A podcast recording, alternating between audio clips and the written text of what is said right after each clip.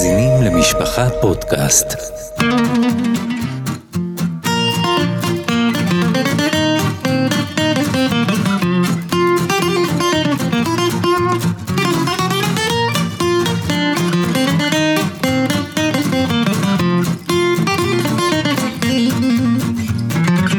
שוב שלום ואתם שוב איתנו בפרק נוסף מהפודקאסט קורת רוח. איתי הרב אפרים זלמן גלינסקי. ידידי הטוב ובסולת הגרובייז. ואנחנו, אני חושב שהפעם אנחנו כבר, יש לנו, ההמשך פה הוא נמצא כבר uh, כתוב כמו שנקרא. Uh, קודם כל חייבים לעצור ולשים את ההעברה הזאת, אנחנו מקבלים המון המון תגובות, המון uh, תיקונים, הערות, מסתבר שיש המון יהודים מאוד חכמים וידענים שמקשיבים לפודקאסט, בכל פעם מחדש מפתיעים ומפליאים אותי. אה, בנושא שאנחנו דיברנו עד עכשיו, דיברנו על הניגונים, המון המון נוספות, אה, כולל אה, בנושא של כלי המקדש וזה, הלוואי שיום אחד, אתה יודע, ש... שכל היהודים... באמת צריך לאסוף את התגובות כן, האלו, כן, לשים אותם... בינתיים אנחנו אוספים, אולי יום אחד נעשה מה שקוראים בפולנית פודקאסט ליקוטים. אבל uh, היום אני חושב שאנחנו, כדאי שנמשיך את הנושא הזה, אנחנו התחלנו לדבר על uh, אומנות הקול, אומנות המוזיקה, שהיא אומנות מאוד מסוימת, וניסינו להראות את המקום היהודי שלה. אני חושב שעכשיו הגיע הזמן שננסה בכלל לדון ולדבר על אומנות יהודית, אמנות, כותבים את זה הרי מאוד מדגישים בלי הוו. כי אומנות זה סנדלריה ונפחייה וכולי. וכשמדברים על אמנות מדברים על ציור, מדברים על פיסול, מדברים על האומנות הפלסטית, מה שנקרא, והיסטורית, מסתבר שבמשך יותר מדי שנים, ויש כאלה שזה עושה להם בעיה ממש, אבל במשך יותר מדי שנים אין אומנות יהודית במובן הרחב. זאת אומרת, יש פה, זה עיר פה, זה עיר שם, מציעים, אתה יודע. נדמה לי שיש איזה, איזה, איזה מילה ביוסף בן מתתיהו המכונה ג'וסיפוס פלביוס, נדמה לי שיש איזה מילה שם באחד מהכתבים שלו, שזה לא סתם, אלא בגלל שעם ישראל כל כך השקיע בעניין של אה, טיפוח הרוח וה, וההשקעה במצוות ובתורה, אז אה, זה העובדה, זאת התוצאה הבולטת ש...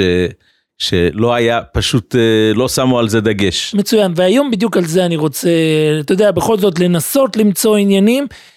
מדברים הרבה על הציורים. הציורים ככל שאתה יודע, מוצאים פה או שם איזה רצפה, רצפת פסיפס בגליל ועושים איזה עניין. עכשיו בדרך כלל מה שאנחנו יודעים שמי שבכלל עשה את זה היו אומנים גויים בחלק מהמקרים. ולכן... יוצא מן הכלל זה, זה מאמר שפרסמנו, אתה זוכר? כן. קשר לפסיפס שנמצא ב- ליד בית שאן, בעין הנציב. נכון, נכון, שזה נכון. שזה פסיפס של קטע שטיקל שלם של חז"ל. חלק ממנו מופיע אצלנו בתלמוד ירושלמי, חלק בתוספתא, זאת אומרת זה פסיפס ללא ציורים, פסיפס עם שטיקל ברייסה של, אה, קוראים לזה ברייסה דארץ ישראל, שנותן לנו את הגבולות של אה, ההיתרים המיוחדים שנהגו בשנת בוא נרחיב בזה, יש לנו פסיפס אחד שאנחנו יודעים שהוא נמצא היום, היום כבר למעשה אני חושב שלקחו אותו והציבו אותו במוזיאון, או שזה נכון. רק העתק שלו. ואתה אבל... יודע מה הסיבה לזה, כן? מה הסיבה לזה? אנשי תושבי הקיבוץ הדתיים קיבלו דרישה ממשרד התיירות שהם יכולים להשאיר את הפסיפס במקום, בתנאי שזה יהיה פתוח בשבת כאתר תיירות, והם סירבו, אז פשוט באו וחתכו את הפסיפס לשש חלקים והעבירו אותו למוזיאון ישראל ונתנו להם לעשות שחזור במקום, במקום בקיבוץ עין הנציב. במקום המקורי שמו העתק, uh, שחזור ו- וזה לא זה. אבל אני חושב ככל שנתבונן, זה דווקא מחזק את מה שאני אומר, כי עד שכבר יש לנו פסיפס שאנחנו יודעים שיהודים עשו אותו, אין שם ציורים, אין יש שם כיתובים. נכון. מה שמלמד אותנו ש, שיהודים כתבו ופחות ציירו. בהחלט. עכשיו, יש המון ניסיונות לאורך השנים, אה, בעיקר לנסות להבין למה זה קורה. והאם, ועכשיו יש כאלה שזה מפריע להם כי זה אומר אולי אנחנו פחות אה, תרבותיים, במרכאות ממקומות אחרים, אבל uh, עכשיו, זה, זה המון שנים. זה נמשך ככה המון שנים. רגע, אבל קודם כל בסול אלתר, אתה חייב להתייחס לסיבה ההלכתית. או, אז זהו. יש לנו פה כמה סיבות, הסיבה ההלכתית, אני מעדיף שהרב יאמר, הסיבה ההלכתית היא...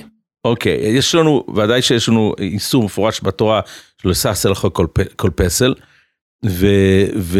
פסל וכל תמונו, ויש כן. גם אה, לא תעשו כדמות שמשי במרום. נכון שזה כוללת גם את כלי המקדש, שזה עוד איזשהו, אה, עוד קטע שלם של דיון מלאכים, הלכתי. ציורי מלאכים, הציורים שהיו, אה, רווחו בתרבויות אחרות, הם ציורים... אגב, אתה מדבר על, על העובדה שאין לנו, אה, לא מצאנו אה, אמנות במשך הרבה הרבה שנים, יש דבר מאוד מאוד מרתק בקשר למטבעות שיש לנו בשופי מהתקופה של, אה, נכון. של המרד הגדול, מרד בר כוכבא ו- ו- והתקופות הקדומות האלו, שלכם מרד חשמונאי, והדבר הפלאי הוא, שזה כבר ארכיאולוגים כבר שמו לב לזה, זה שמה המאפיין של כל המטבעות בעולם? כן. איזה, איזה, איזה ציור יש על, ה, על המטבע? את ה, המלוכה בדרך כלל. התמונה של המנהיג, כן. של אה, יוליוס קיסר או מישהו כזה, ש, שתמונה בולטת של, של אדם, של, ה, של המלך של אותו תקופה.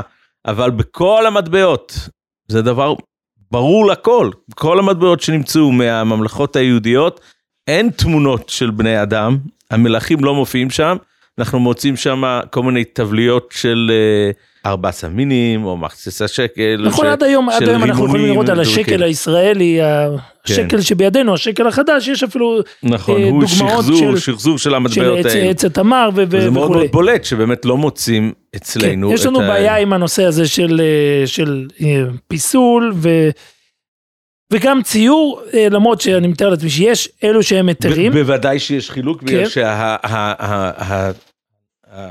שהנקודה הקריטית לגבי האיסור הזה הוא הבלטה, דהיינו כאשר הדמות היא בולטת, כן. וזה הסיבה, מה שנקרא תלת מימד. בדיוק, אה. זאת, זאת הסיבה שלנו אין היום בעיה בלצלם דברים בולטים, דהיינו כן, אם אתה כן, תעשה כן. טיול ואתה תראה את, ה, את הפסל של הגולם מפראג שקיים היום בפראג, או של המהר"ל שקיים היום בפראג, שהם שתי פסלים ענקיים כן, ומרשימים מאוד. הייתי שם השבוע וזה בשיפוצים. אה, לא יכולת אז לראות אה, אותם. לא, לא יכולתי לראות, אני חושב שהסתדרתי יפה גם בלי.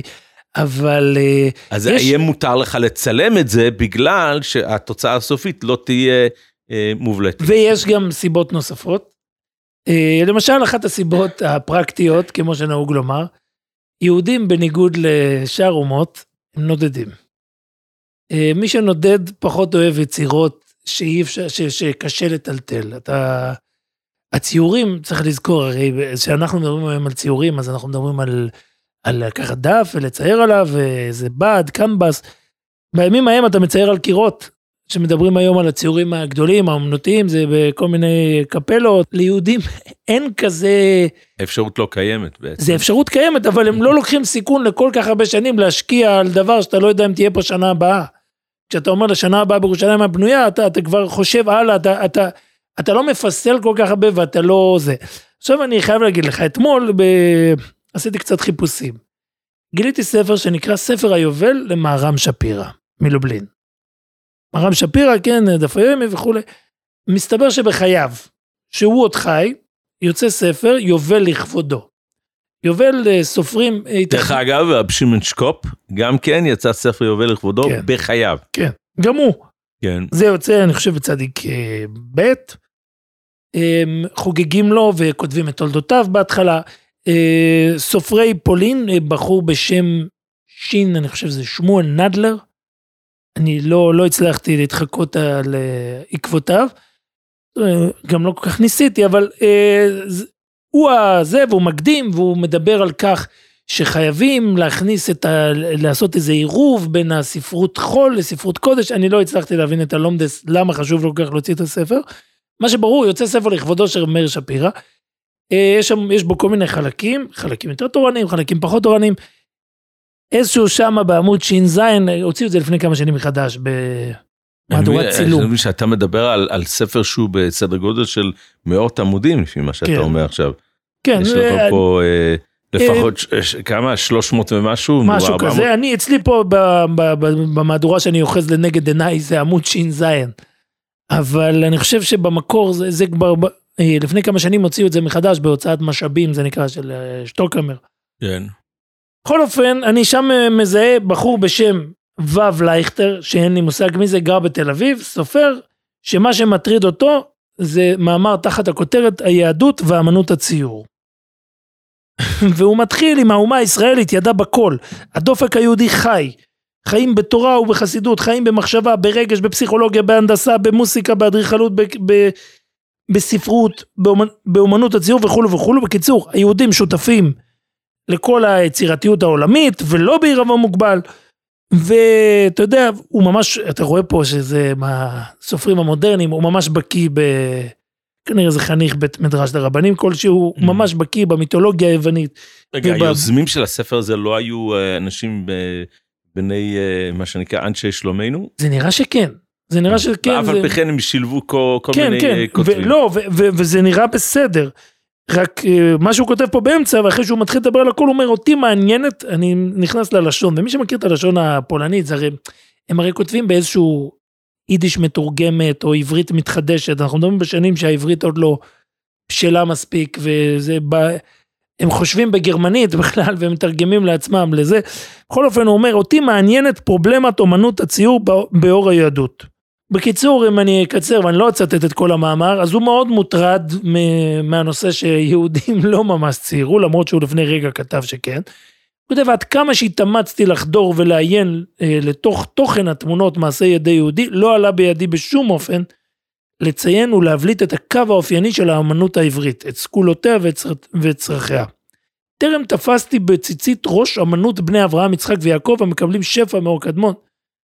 בקיצור, הוא מביא פה כל מיני דוגמאות, הוא ממש הולך על כל מיני אמנים שאנחנו מכירים, פסלים שאנחנו מכירים וזה, והוא מנסה להגיד, אין, אין לנו דוגמה כזאת, אין לנו מקבילות יהודיות. לדבר הזאת, הזה. כן. הוא ממש כאילו מביא פה את כל השמות ואת כל ה... ואת כל הזה, ואז הוא פתאום מגיע עם החלטה שאומרת ככה, ואומר, אין לתלות את חוסר אומנות הציור היהודית בלא תעשה לך פסל. הלא גלוי וידוע שאיסור עשיית פסל חל אך ורק על פסלות. אינני גורס גם, זאת אומרת יש עוד איזה הסבר שהוא גם אה, מולו מתמודד, שכוח העדות נובע מתוך המוח ולא מן העין. זאת אומרת, היה הסבר שאמר היהודים הם מדי רציונליים, יהודים זה טוב בשביל ללמוד גמרא, לא בשביל אה, לשחק עם ציורים ו- ו- וזה. זה, זה אנחנו יודעים שבאמת אמן יש לו נפש משל עצמו, זאת אומרת זה, זה סוג, יש דברים שהיום- שאמן שם לב אליהם, אני- אדם רגיל נורמלי אני לא ישים אני לב. חושב שהיום ממש נהוג ב- במדעים, ה- המדעים המדויקים, ממש לחלק את זה בין שתי אונות במוח. Mm. זאת אומרת, יש את החלק החושב, היוצר, אלו ממש אה, אזורים נפרדים במוח, אבל הוא גם את זה לא מסכים לקבל. אה, החיסרון, לפי דעתי, מעיקר הדדינה. מהות היהדות מתנגדת לפלסטיקה. פלסטיקה זאת אה, זה הגדרה הכוללת של כל האומנות הפלסטית, מה שנקרא פיסול, ציור וכל זה. אבל הוא צריך מקור לדבר הזה. אז זהו, עכשיו אז פה... הוא טוען שזה מעבר ל- לאיסור ההלכתי. לא, הוא טוען שזה לא בגלל האיס- האיסור ההלכתי, ופה הוא מגיע איזו המצאה פילוסופית שנחמד לקרוא אותה, אבל אני לא בטוח שהוא צודק. והוא אומר שסיבה של האומנות הפלסטית היא, אה, הוא מחלק אותה לשלוש. הוא אומר את כל שלושת העקרונות הללו, ש, ש, שכל השלושת היסודות של האומנות, למעשה היהדות מנוגדת להם. הוא אומר הדבר הראשון, צמצום הזה, ריכוז של הרבה שטחים ידועים ובלתי ידועים, קבועים ובלתי קבועים, על שטח אחד של בד מרובע, היהדות לא אוהבת. אתה צריך אני- לתת הסבר ל- אני ל- לא יודע לקביעה למה. הזאת. התמד, התמזגות קונטרסים, זאת אומרת התמזגות של הפכים, אה, ש- אה, גיא ועמק ו- ו- והרים, וסינתזה של מעשה בראשית.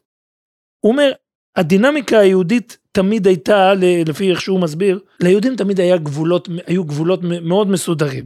אם אני לא טועה, מה שהוא בא להגיד, זה שהיהדות תמיד תנסה להציב את הדברים, מה שנקרא שחור לבן, כן, ולסדר, ולסדר. ולסדר. ו- ואומנות מטבעה, לפי מה שהוא אומר, לא יודע אם כן, זה היא נכון, בורחת, היא שוברת גבולות, היא פורצת. זה, זה, זה, והוא אומר, הוא מביא את, הגמולות, את הגבולות, וזה די משעשע, הוא אומר, היהדות תמיד ידעה להבדיל בין עליונים לתחתונים. ידעה תמיד את גבול היצירה. אין השכינה יורדת למטה מעשרה, ומשה לא עלה למרום. השמיים שמיים להשם, והארץ נתן לבני אדם. והוא מסביר, בקיצור, היהדות, לאורך כל הדרך, הוא מדבר על היהדות, הוא ממש, אה, הוא מזכיר פה את החסידות כיוצאת מן הכלל, כאיזה זרם אומנותי באמת פחות אה, פחות אה, עונה לתזה. הדינמיקה היהודית פועלת מאז ועד היום ועד עולם רק בכיוון אחד קבוע, גבול, ידיעה, בירור. מה שאינו כן אצל אומות העולם. הוא מתחיל לנקוט פה את כל אומות העולם שאין להם שום גבולות. תוהו ובוהו שמיים וארץ מתנגשים אלה באלה ועל ידי אומנות הציור אמרו אמני אומות העולם להעניק סדר ומשטר. זאת אומרת מבחינתו הגויים עושים איזושהי אדפטציה למה שהם צריכים אז הם חייבים לצייר כי העולם שלהם מאוד מבולבל.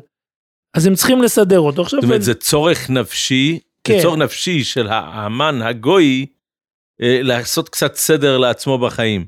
אבל הצורך הנפשי הזה לא קיים אצל היהודי. והוא מדבר בעצם. גם, והוא מדבר גם על, על, כשהוא מדבר על ה... כשהוא מדבר על ה... הוא מדבר על המוחשיות. הוא אומר הנוצרים הקדמונים לא יכלו לוותר על האליל, על התרפים, כדי למשש את הידיים אשר לא ימושון, צמצמו את העולם בתוך דלת רוחות, צמצום המחשבה, והלא על זה הננו מברכים יום יום ברוך אתה השם שלא עשני עבד. הוא מזכיר פה, מי שיודע בתולדות העולם, אחד היוצרים הכי חשובים, זה מי ש... זה נקרא דה וינצ'י. דה. וינצ'י הוא, הוא אה, נקרא היום איש אשכולות, ויש איזה ציור אחד לא ברור שלו, שהוא כנראה, אה, ייתכן שהוא הציור הכי יקר בעולם, זה מה שנקרא מונליזה, זה נמצא בפריז. אז הוא כותב, ומימי דה וינצ'י זה הגדול, הציור ש... שמאיזה כיוון שתסתכל עליו, הדמות מתבוננת בך. זה, זה, זה, זה, מה ש... אחד, זה אחד ההסברים של לנסות להסביר מה מעניין בציור הזה, שהוא על פניו נראה ציור די פשוט. בקיצור, אז אה, זה מה שהוא מביא דבר אחד, זה, זה וורד אחד שזה. עכשיו, אתה יודע, אני לא יכול להגיד שהתחברתי עד הסוף.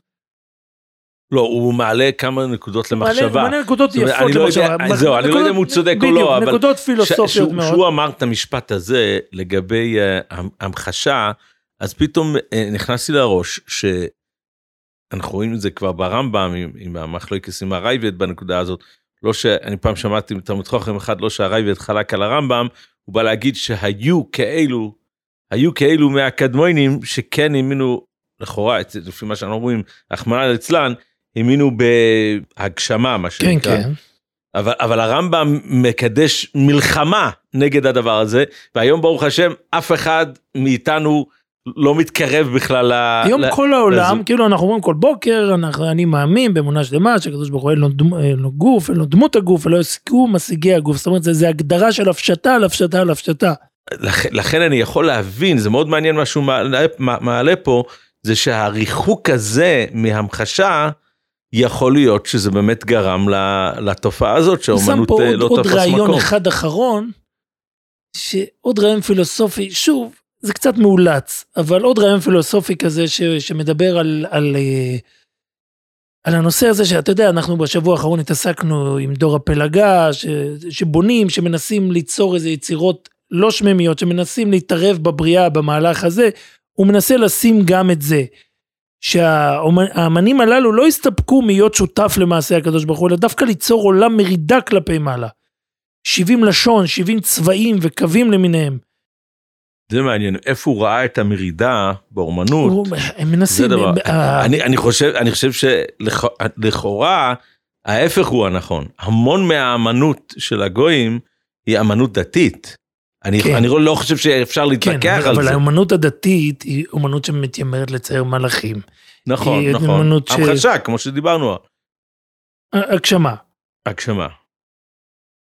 בכל אופן, זה, זה דבר אחד שראיתי, ועוד דבר אחר שראיתי. אתה רמזת פה, ואני רוצה שאתה כן. ת- תרחיב על זה, שזה לא בדיוק מסתדר לפי ההשקפה החסידית, שזה נקודה שאתה, כן, ש- ו- שהוא ו- רומז ואני עליה. חושב, ואני חושב שבאמת, כש- כשתכף אולי נגיע לזה בהמשך, אבל באמת החסידות קצת משנה את היחס. ובאמת בחסיד, מהחסידות וההילך, אנחנו כן מתחילים לראות תופעות, אנחנו נדבר על זה, על אדמו"רים שמציירים, על uh, חסידים שצורכים ציורים, אבל אני, אני ברשותך רוצה uh, לדבר איתך על עוד uh, ספר מעניין אחר, שאני מצאתי, שוב, אגב החיפושים, ספר שאני לא יודע מה שנקרא עם המחבר אה, מה שנקרא באוילם הישיבס אה, מר ברבשי אבל הוא ספר שנקרא אה, חיי התרבות בישראל נמצא באוצר החוכמה כמובן יהודי בשם אברהם, אברהם שמואל הרשברג יהודי פולני שלמד בישיבות.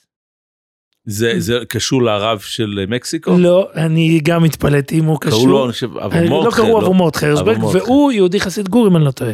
כן, הוא, הוא, הוא- תלמיד של מאיר שפירא הוא מלובלין. תלמיד של מאיר שפירא הוא היה. גויין אוילום והוא היה הרב הראשי של מקסיקו. נכון, והוא נכד. הוא נכד, יש ממנו, יש ספר שנקרא רימזה דה חוכמסה. כן, אני לא יודע איך אומרים את זה בעברית. באמת, רימזה דה חוכמתה, אני לא, לא יודע. כן. אני יכול לאיית את זה, ב... וזה של הרב זק, הוא היה סבו של הרב הרשברג ממקסיקו, ככה אני אה. נודע לי שהיה הרב... הרב. ז'ק, הרב של ריגה? לא, היו כמה ז'קים, וזה הז'קים שלנו, של... אה, שהם הגיעו לפולניה בסוף, הם חסידים יותר. אז פה נדבר על הרב הרשפג אחר, זה מה שאתה אומר. אה, הוא כתב ספרים מעניינים מאוד, ו... ומה שכן הצלחתי לראות, זה שהוא... הספרים שלו מעניינים, הרבה ספרים הוא כתב. אגב, אה, בסוף ימיו הוא הגיע פה ארצה וכתב אה, ספר על הביקור שלו פה בארץ, הוא גם מעורב פה בנושא הציוני. וסתם קוריוז שראיתי כשקראתי עליו, שהוא חידש, אה, אתה יודע, בימים ההם יכלת לתפוס מילה בעברית שתהיה שלך, אז הוא חידש את המילה חזית. מדברים מעניין. על חזית קרב, חזית מעניין. מלחמה, אז זה מילה שלו. בכל אופן, היהודי הזה חיבר ספר, שבספר הזה, הגעתי לספר כי בספר הזה הוא בעצם מתיימר לדבר ולהראות שיש ציורים בזמן חז"ל, וחז"ל כן מתעסקים בזה, למרות שלא בצורה כל כך רשמית וכל כך אה, סדורה, אבל לדעתו חז"ל בהחלט כן אה, זה, והוא הוא עובד להוכיח את זה. עוד רגע אני אקרא לך קצת מההקדמה שלו, שהוא מסביר למה הוא כתב את הספר, וזה, וזה מה ששבה את ליבי. אבל הוא מדבר על, אה, יש לו פרק שנקרא על חיי התרבות בישראל בתקופת המשנה והתלמוד, זה כך נקרא הספר. הספר נקרא חיי התרבות בישראל בתקופת המשנה והתלמוד, זאת אומרת, אני מנסה להבין מה היה בזמן, בזמן חז"ל, איך נראו החיי היומיום נאמר. אז יש לו פרק בפרק י"א, שזה נקרא הצובע, המצלם והמצייר. והוא רוצה להוכיח שהיו דברים כאלה. ובכל מקום הוא זורק אה, מרמוקם של חז"ל. הוא אומר, הצבעים היו צובעים כל מיני צמר ומתווה וכל מיני הרג. כן, יש פה, כמו שנראה בהרבה מקומות בחז"ל, רואים את זה. את הצמר צבעו אחרי הניפוץ. קיצור, הוא נכנס לכל הזה. הוא אומר ככה, אה, הם ידעו להוציא לפועל צורות של צבע על ההריגים. ובגד שחיש, שחישב עליו לצורה לא נחשב כלי לגבי קבלת טומאה כל זמן שלא ציירו במעשה. אם תכננת לצייר על בגד, זאת אומרת, אנחנו חושבים ש... שהמצאות של ציורים על בגדים זה משהו שאנחנו חידשנו, לא, בזמן חז"ל.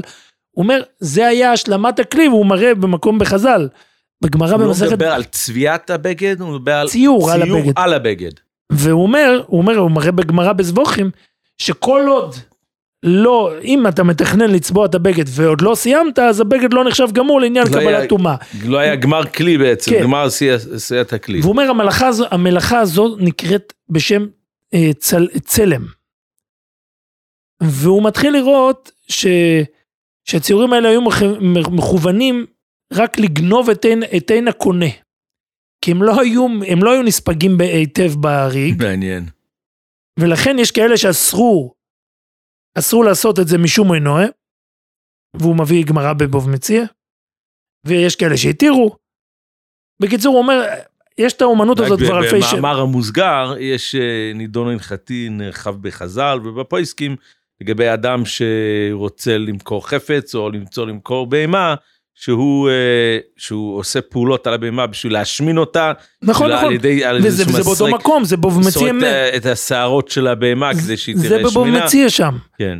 זה הגמרא מדברת על אה, אה, רובה שורל לצילומי גירה. כי נגזר כן. מכך, אגב, שואלים היום הפויסקים של זמננו, האם מותר לצבוע מכונית לפני שאתה מוכר אותה בתור נכון. יד שנייה? מרתק. אבל התשובה, זה רק ברמז, זה שכל עוד שבמסמך הרשמי של, ה, של הרכב כתוב, כתוב שנת הייצור כן, שלו, כן, אז, אז, אז אז, פחות, אה, אתה פחות יכול לשחק עם זה. לא, אז, אז, אז להפך, אז הצביעה היא לא בעייתית, כן, רק- בגלל שהיא לא באה ל, ל, ל, לשנות את, ה, את הגיל של, ה, של הרכב. מדהים. ואז הוא אומר, והוא אומר גם, אה, וכאן נמצא, נמצאה אצלם נקודת הנגיעה בין הצובע ובין הצייר, אשר שניהם השתמשו בסממני צבע. גם כאן נקרא האומן, הצייר בשם צייר בסממנים, הוא שוב מביא, הוא מביא תרגום, והוא ממש מתחיל להראות לך שהיו ציירים וחז"ל מתחשבים בציורים, ואז הוא עובר לאגדתס, חז"ל, חז"ל, חז"ל, אה, הציור תפס אצלם מקום. את מלאכת הציור העריכו במ"מ ערך גדול מאוד, עד כי תיארו את, אה, את הקדוש ברוך הוא בשם צייר. אין צור כאלוקינו, אין צייר כאלוקינו, זה גמרא בברוכס, במגילה. ועמדו על, ה- הם, הם ביררו אפילו את המטרות של, אה, של הציור. הוא מראה הרבה מקומות בחז"ל, חז"ל מתעסקים. חז"ל מתעסקים בהבדל בין, בין בשר ודם שמצייר לבין הקדוש ברוך הוא שמצייר. בעצם אם, אם אני אקח את התוכן של הספר שאתה מדבר עליו עכשיו, לעומת הספר הקודם, ש... כן, אז אה, יש דרך ליישב ביניהם. זאת אומרת, כל זה היה נכון עד לשלב מסוים, ואז יש לנו נפילה דרמטית עד, וגם, עד במשך כמה, נגיד אלפיים שנה, עד ש... כן, אבל, אבל הוא, ממש, הוא. ממש מתחיל להראות לך אה, משלים במדרש. מידת בשר ודם הולך אצל עושה צלמים ואומר לו עושה לי צורתו של אבא. והוא אומר לו יבוא אביך ויעמוד לפניי הוא אבא לי איכונין שלו ויצא צורתו. אה, כל מיני, עכשיו אני לא בטוח, אני הייתי, אני הייתי, אם לולי שהוא כותב את זה ואני לא זוכר את המקור, שזה מכילתא ואני לא למדתי עוד, לצערי, אז, אז אפשר היה לומר שמדובר בגויים. הוא מראה שחז"ל הבדילו בין, הוא מראה שחז"ל הכירו. המקורות, דבר ראשון, הוא אומר שחז"ל הכירו. חז"ל הכירו ציורים, ידעו להעריך, ידעו להבדיל בין צורה גלופה לבין צורה אטומה, הוא מראה מכיל את ה... ש- שחז"ל דיברו על לא תעשה לך פסל, הם ידעו בדיוק את ה... הם ידעו להבדיל בין מי שעושה שרטוט הצורה בקווים יסודיים, בין מי שממלא את, את הצורה הזאת זה מאוד בגווני צבע. מעניין ש, שיש לך פה בן אדם ש, שיש לו את הרקע התורני המספיק כן. בשביל, אה, בשביל להוכיח את הנקודות האלו. לא, רוב- הוא ממש רוב עובר- האנשים אין להם את הידיעות האלו בכלל. הוא עובר על בבלי, ירושלמי, ספרו וספרי, מאוד, והוא זה ממש מרתק, עושה... זה ממש מרתק. וכאילו, והוא מדבר על אותו פילוסוף ששאל את רבן גמליאל, צייר גדול הוא אלוקיכם, אלא שמצא סימנים טובים, שס... קיצור, מלא מדרשים שאנחנו מכירים, שמדברים על הקדוש ברוך הוא שהוא צייר, והוא, והוא כן צייר ולא צייר, ואתה רואה אה, ידע, ו- ואי אפשר, אפשר לקחת לו, זאת אומרת, הוא עושה עבודה טובה. ומה שאותי באופן אישי מאוד אה, אה, קנה, שניסיתי, אתה יודע, הדבר המעניין הוא להסתכל בספר על ההקדמה, ו- ולתפוס מה קרה לבן אדם, ולמה... מה, מה, מה גרם לו לטרוח לחבר כזה ספר. אז הוא כותב שמדובר בסיפור ביוגרפי כמעט. שוב, אנחנו מדברים על ילד שלמד בחדר נורמלי וזה, ואז התחיל, הוא, במקור אני חושב שהוא הוא בכלל, אה, הוא, הוא למד בישיבות ליטאיות, ואחרי זה הוא התחיל קצת יותר ללמוד ספרות ו- ו- ו- וכולי. ואז הוא מתחיל להסביר למה, למה הוא חיבר את הספר. אז הוא כותב, אל חיבור זה, אה, חיבור ספרי זה באתי לכתחילה לא בדרך הישרה והקצרה, לא חיברתי את זה. לא הייתה בי איזו התעוררות פנימית לגלות את מעמד תעשיית ההרג בישראל בתקופה כלשהי. אה, גם לא, גם לא, גם לא עניין אותי איך הם התלבשו, בקיצור, לא עניין אותי. ואז הוא אומר, אני קצת מדלג, כל זה הגעתי בדרך ארוכה ועקומה. על פי תוקף השתלשלות ימי חיי הפרטיים, נעקרתי מבית מדרשי, אשר בו נתחנכתי בבית אבותיי. הוא אומר, אני הייתי צריך פרנסה, ברחתי למקום, אה, מקום של טקסטיל, וזה היה חידוש בשבילי, העיר ביאליסטוק. אנחנו ידענו שהעיר ביאליסטוק היא מקום שיש בו תלמידי חכמים, לא ידענו שזאת עיר טקסטיל. אני כן ידעתי על לודג' ובהמשך הוא יביא את לודג'. לודג' הייתה עיר טקסטיל. ו... והוא מסביר, אני הגעתי ל... ביאליסטוק. אני הגעתי ביאליסטוק, נהייתי בעל לאבדן, וכ-20 שנה במיטב ימי חיי עסקתי באבדנות זו, זאת אומרת הייתי מאבד, הייתי עוסק בטקס, בטקסטיל. במשך הזמן הזה היו לי טוענות רבות אשר עוררו- אה, עוררוני להתבונן על סביבתי הקרובה, אל האבדנות העברית. הוא- מה שהוא מרמז, היו הרבה יהודים שעבדו בטקסטיל של ביאליסטוק, ולכן הוא מתחיל אה, זה והוא מנסה לעזור להם, והוא מנסה למצוא מונחים, אה, מונחים יהודיים מקבילים לסיפור של בעצם הוא הטקסטיל. רוצה לתת ערך רוחני לחיי החולין שלו. אני חושב שבשלב ראשון הוא עוד לא רוצה לתת ערך רוחני כמו שהוא רוצה לחפש את המילים העבריות של הסיפור הזה. עד אז אה, הוא ראה כאילו, איך הוא כותב את זה, אני, אם אני אגיד את זה ב, ב, בלשונו. הוא אומר, אה, האבדנות העברית, זאת אומרת, הפיתוח, היהודית. היהודית, היה לה תפקיד היותר נכבד בהתפתחות האבדנות של תעשיית הטקסטיל הכללית בכל ארצות פולניה ורוסיה. ובכל זאת, הוא אומר, זה בעצם הפך להיות ענף יהודי, אנחנו יודעים שהוא צודק. לפני המלחמה, בין שתי המלחמות וגם לפני המלחמה הראשונה, הטקסטיל נשלט על ידי יהודים. יש עיר, עיר שלמה באנגליה, אה, מנצ'סטר. אה, מה- אני, אני מכיר משהו אחר, אבל אה, זאת אומרת, ראיתי איזשהו תיעוד אה, על, ה- על ה...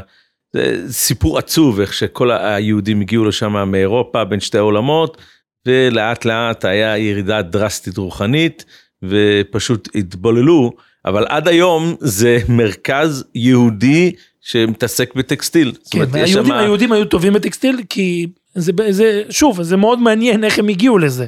הוא אומר, תשימו לב שהענף של הטקסטיל בכל אירופה ורוסיה, בכל פולין ורוסיה, זאת אומרת, זה מזרח אירופה נשלט על ידי יהודים. ו... ו... ו... והוא גם קולט ש... ש... הוא מה בכל... הוא רוצה לטעון שהעובדה לא, ואז הוא אומר, שיהודים פשוט משתל- חיפשתי, חיפשתי, אה, רציתי, רציתי למצוא את המקור היהודי של זה. וניסיתי, והוא אומר, הענף הזה סובל כל הזמן מטלטלות חזקות, ואמרתי, יש ליהודים, עם כל הכבוד, הם לא כל כך מכירים את המקצוע. ולפיכך מצאתי, ולפיכך מצאתי את עצמי מחויב, בהיותי אבדן של הרג, וביחד עם זה יודע את השפה העברית, להמציא להם את הידיעה של תעשיית ההרג בשפה העברית. אמרתי בואו נחפש מילים עבריות שיסבירו את הטקסטיל שלא נצטרך להשתמש ברוסית וזה. והוא אומר אני רוצה שיהודים יבינו מה שהם מדברים. הוא אומר בעצם היהוד- בא לעזור לאחים כן, שלו הוא אומר, להשתלב נכתוב. להם מילון. אז הוא אומר ניגשתי לעבודה ולמדתי את הידיעה הזו מפי ספרים וניסיוני, וניסיוניי המעשיים היו לי לעזר. הוא אומר ואז התחלתי לחבר בשעותיי הפנויות ספר בעברית בשם יסודי תעשיית ההרג. והנה אה, אה, תכף בראשית עבודתי, הוא אומר מצאתי מפריע גדול, ראיתי שיש בעיה גדולה בחיסרון המילים, המילות. זאת אומרת אין מילים מקצוע, מקצועיות בדבר הזה, הוא קורא לזה מילים, המילות המלאכותיות.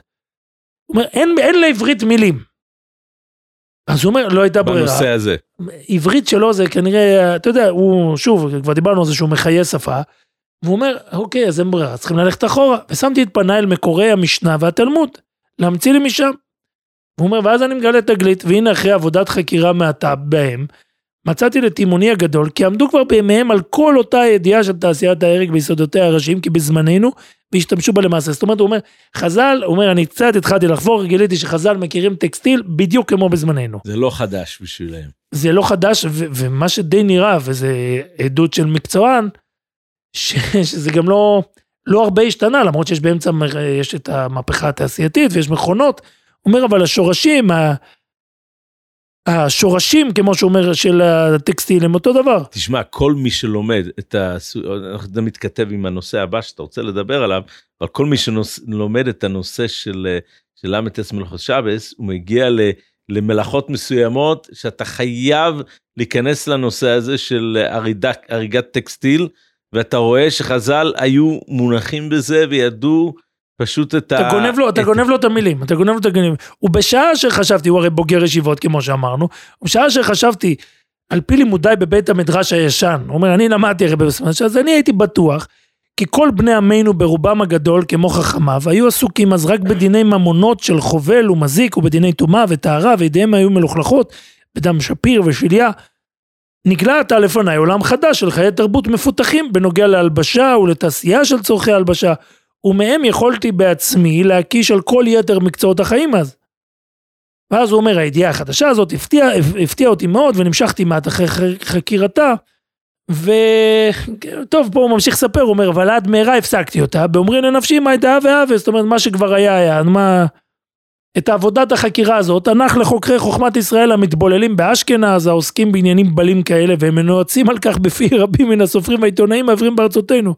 הוא הרי יודע שכל אלה שהתעסקו באסכולה וזה, כולם זלזלו בהם. ואז קרה מה שקרה להרבה סופרים בשנת הקורונה. הוא אומר בינתיים... מצא עב- לעצמו עם הרבה זמן פנוי בדיוק, בידיים. ב- בינתיים עבר בשנת תרנ"ט, תר"ס, גל של משבר גדול של האבדנות של תעשיית הטקסטיל בעיר, בביאליסטוק. הוא פוטר כנראה. מעבודתו. גם אני לא יכלתי להעמיד את פניי בו.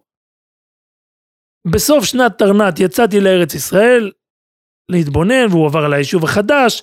בהמשך פה אני רואה שהוא מספר, הוא מספר שהוא עלה ארצה והוא כתב ספר, ו... ואז הוא, הוא עלה בחזרה. הוא אומר, עזבתי את עבדנותי בביאליסטוק והעתקתי את משכני ללודג', האחות הגדולה והבכירה של ביאליסטוק לתעשיית הטקסטיל. לנסות את כוחי, הוא פעם ראשונה נכשל בבליסטוק, הוא אומר אולי אני אנסה. ושים לב, וזה כגרר אני יכול להגיד לך שהוא צודק, אך בבואי שם נדהמתי מפני שעונה והמונה של התעשייה הענקית הזאת, שלא פיללתי לה בשבטי בביאליסטוק הננסית. זה בלי השוואה. הוא נבהל הוא אומר, מה... פתאום ראיתי, זה, זה, זה גם כולם מתארים את זה כעיר של מכונות ו, ו, וזה, ומה הוא שם לב? ומצאתי כי רוב ראשי מניעי הענק הגדול הזה, רוב אלה שמתפעלים את כל הסיפור של לודג', וזה נכון, אנחנו יודעים את זה אותם עם שמות, הם סוחרי בני עמנו ועבדניהם, אשר הצליחו הרבה, ופה זה אחד הדברים המשעשעים, הוא אומר, אני פגשתי קבוצה שלא צריכה שום מילון ושום דבר, אשר הצליחו הרבה בכל המקצועות בלי כל ידיעה וחינוך מוקדם. אחרי שבתי בה כשנתיים וחצי ולא היה אכן המקום הזה על יושבו, שבתי לי ביאלסטוק. בתוך כל גלגולי המסיבות האלה, נתפכחתי לגמרי בח... מחלומי להורות בעברית לעבדנים העבריים את תורת תעשיית ההרג. הוא אומר, הבנתי שלא הבעיה זה שאין מילון בעברית, אחרי שנוכחתי כי אנשי המעשה, מה שנקרא החבר'ה מאנים, בעלי כישרון מסחרי וזריזי עבודה שבקרב בני עמנו, כמעט שאינם זקוקים באמת לחינוך הולוראה. שים לב, כי דווקא בני מפלגת החסידים האדוקים בלודג' אשר רובם החוש אינם, המסחרי, אשר אה, רובם אינם יודעים גם שפה נוכרית, הצליחו הרבה יותר. בעבדונותם מאחיהם הלטאים המשכילים. בשביל שהם העולים עליהם בזריזות עבודתם, בחריצות מסחרם ובמוחיהם החריפים. הם לא מרגישים שום מחסור בידיעות טכניות, כי, כי, כי מלאכתם נעשית להם על ידי אחרים בשכר. בקיצור, ואז הוא, ואז בקיצור הוא הבין שהלטאים, אני לא רוצה לפגוע בך, אבל הוא הבין שהלטאים טובים בלחבר ספרים, החסידים יודעים לעשות כסף וטקסטיל, ו, ואז יצא ספר מאוד מרתק, על, בעצם שמוכיח לכל אורכו שחז"ל הבינו אומנות, הבינו ציור, הבינו ציור, הבינו אומנות, ואני חושב שלפעם הזאת אנחנו נסתפק בזה, אנחנו נעשה פרק הבא, פרק הבא אנחנו ננסה לדון על עוד אה, זוויות מעניינות של... אה, אתה תזכיר לי שיש לי תגלית שאני חייב אה, לשתף אותך, הנושא הזה מ- אה, על רבי סול מרוז'ין והיחס שלו לאמנות. אז, ול- אז אני, אני אומר לך שיש הרבה תגליות ויש הרבה מה לשתף. אוקיי, אז אה, אוקיי, אז ניפגש. אנחנו עכשיו ניפרד פה באמצע היופי הזה, החכמת אותנו מאוד היום, ו... בעזרת השם נמשיך. ותזכור שטקסטיל זה שייך לחסידים.